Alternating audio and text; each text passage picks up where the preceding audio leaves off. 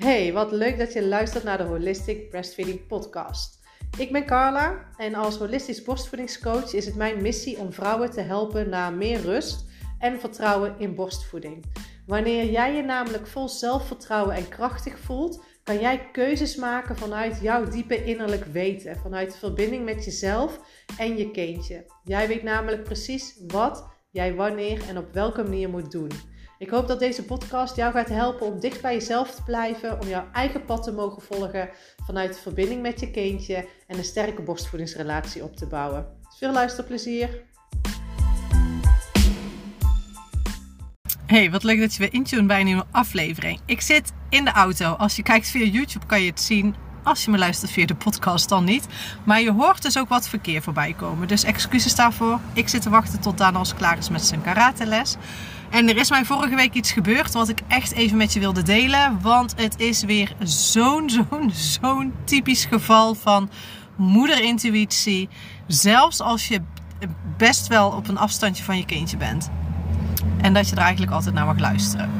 Nou wordt het natuurlijk altijd gezegd hè, dat je je kindje echt wel aanvoelt. En ik geloof dat ook echt. En ik weet dat er heel veel ouders zijn en moeders ook die dat zo ervaren. Je hebt het bijvoorbeeld als je um, je kindje al ergens hoort huilen, een stukje verderop, dan krijg je al een toeschietreflex. Of als jouw kindje boven ligt te slapen, jij bent beneden, dan heb ik echt wel vaak gehoord dat het toeschietreflex al begint. En hop, prompt horen ze op de babyfoon dat het babytje wakker wordt.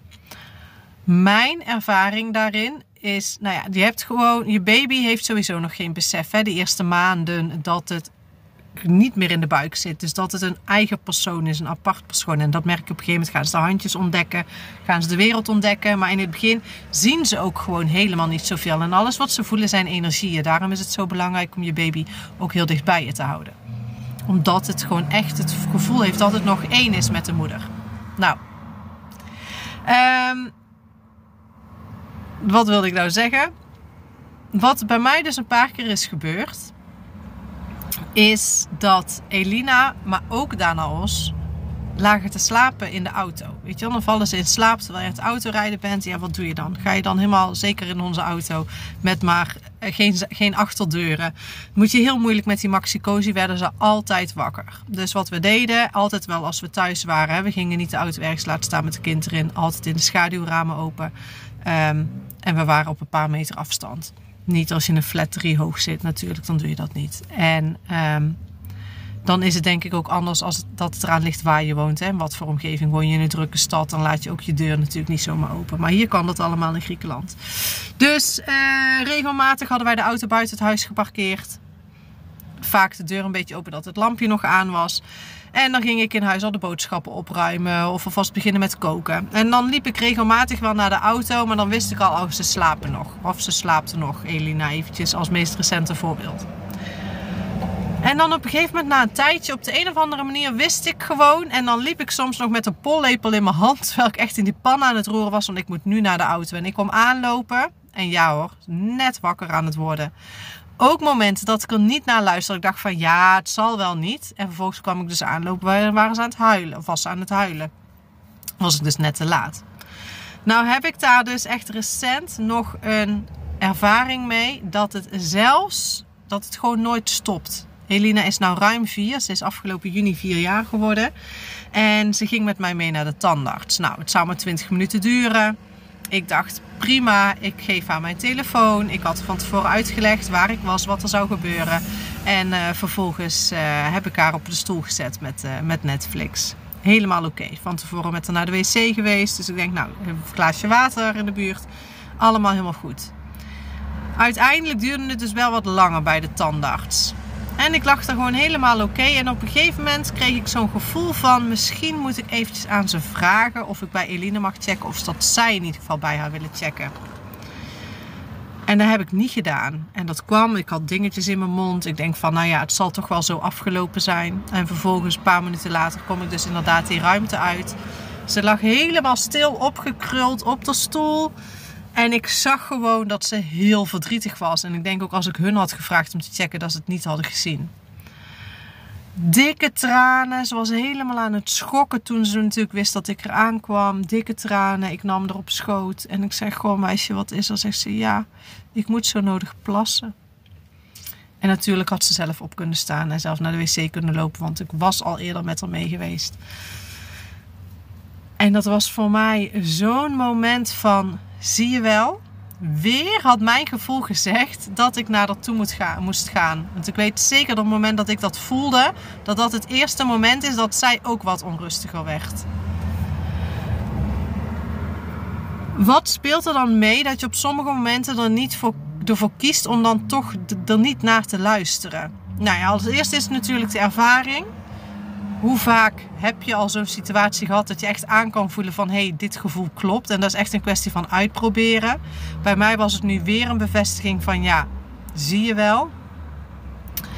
En ten tweede is het vooral opkomen voor jezelf. Dat op het moment dat jij eventjes iets voelt van ik wil even bij mijn kind gaan checken, dat een ander zegt van ja, hoezo, maar het gaat toch allemaal goed? Of waar maak je je druk om? Zeg gewoon, en net als ik bij die tandarts haal gewoon die, die weet je, ik voel, voel me bij deze tandarts meer dan prima op mijn gemak. Om eigenlijk gewoon te zeggen, even wachten. Ik moet even bij Elina gaan kijken, want het duurt nu wel heel erg lang. Dus gewoon echt een stukje, gewoon je grenzen aangeven. Weet je, niemand kan jou verplichten om iets te doen als jouw gevoel ergens zegt van, ho, wacht. En dat is natuurlijk in het algemeen met heel veel dingen.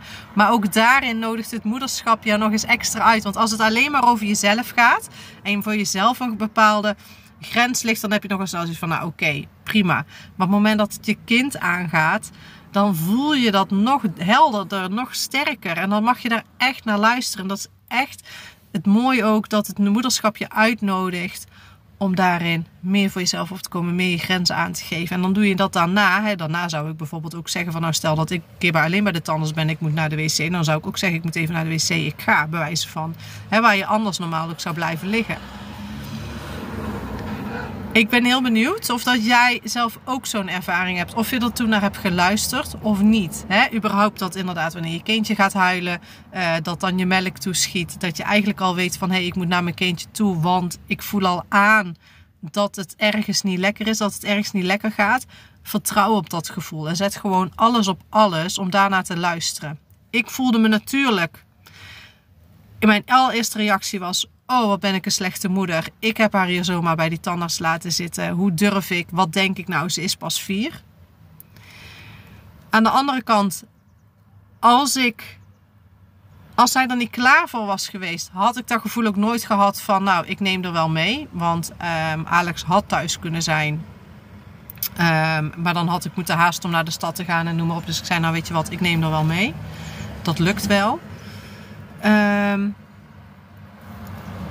meteen daarna voelde, dacht ik van, oh, ik heb er een trauma aan gedaan. De volgende keer als ik er ergens alleen wil laten. Wat dacht ik wel niet? Dit wordt zo omdat ik zelf heel veel met uh, eh, RTT heb gedaan. Dus met mijn onderbewuste en met trauma's. Die, hè, dit, dit zou zo'n situatie voor haar zijn die zij heeft opgeslagen. Waar dat ze zich alleen heeft gevoeld. Um, heel erg eenzaam. En um, ja, misschien als je dit hoort denk je ook van nou, waarom... Uh, van hé hey Kaat, waarom doe je dat nou? Want er kwamen natuurlijk ook mensen in en uitgelopen. Maar goed, ik voel me heel erg op mijn gemak bij de tandarts. En dat bij die tandarts en bij, bij die mensen daar. En dat voelt zij ook. Kijk, als ik er al een beetje met spanning binnenkom, dan heeft zij, zij voelde zich prima. Ze was ook aan het rondlopen, ze was dingen aan het pakken toen ik er nog was. En als ik dat niet had gevoeld, dan had ik het natuurlijk niet gedaan. Dan had ik de afspraak gewoon überhaupt niet. Uh. Dus dat is natuurlijk ook voor jezelf voor mezelf die afweging die ik daarin heb gemaakt. Dus ik dacht, oh nee, nu heb ik een trauma voor gemaakt. En tegelijkertijd heb ik daarna ook met haar over gehad. En heb ik ook tegen haar gezegd van... Hé, hey, zou je een keertje terug willen? En dat je zelf eventjes je mond wil laten checken. Toen zei ze ja. Dus je mag je voeten voor jezelf ook niet erger te maken dan het is. Het gaat erom hoe je er dan naderhand mee omgaat. Ik heb niet tegen haar gezegd... Ja meisje, uh, ik was toch daar, was gewoon even binnengelopen, had gewoon geklopt, had eventjes iets gezegd tegen die anderen. Je hoeft hier toch niet verdrietig om te zijn, weet je, haar gevoelens onder mij. Nee, ik heb met haar gezeten, ik heb haar laten huilen. Uh, toen ze eenmaal kon huilen en alles eruit kon gooien, gingen we naar de wc, was het ook meteen helemaal goed. En weet je, dat is juist het hele stuk. Want op het moment dat jij je kindje zeg maar gaat uh, ondermijnen, de emoties dus gaat zeggen dat het niet belangrijk is, of oh, nou, het valt toch allemaal wel mee, dan blijft dat in dat lichaampje. En nou heeft zij een paar seconden heel hard eventjes kunnen huilen, helemaal kunnen schokken en daarna was het goed. En dat is gewoon echt het aller, allerbelangrijkste. Want als dat in het lichaam blijft zitten, is dat veel, veel belangrijker, zeg maar, hè? veel schadelijker dan de hele gebeurtenis zelf. De gebeurtenis is gebeurd. Zij voelde heel veel spanning in de lijf als die spanning er maar uit kan. Op het moment dat die spanning in het lijfje blijft zitten, ja, dan bouwt dat op, bouwt dat op. En dan krijg je inderdaad het moment dat op het moment dat zij weer in eenzelfde soort situatie zit, dat weer die emotie die is opgeslagen omdat die er niet uit kon, weer getriggerd wordt. En zo krijg je uiteindelijk dus een persoon die opgroeit tot, uh, die zich heel snel eenzaam en bekeken en ongemakkelijk voelt misschien. Dus dat. Nou, ik heb er uiteindelijk lang genoeg over gepraat. Ehm, als je iets met me wilt delen, stuur me dan een berichtje op Instagram. En uh, ik dank je nogmaals uh, voor het intunen en tot de volgende.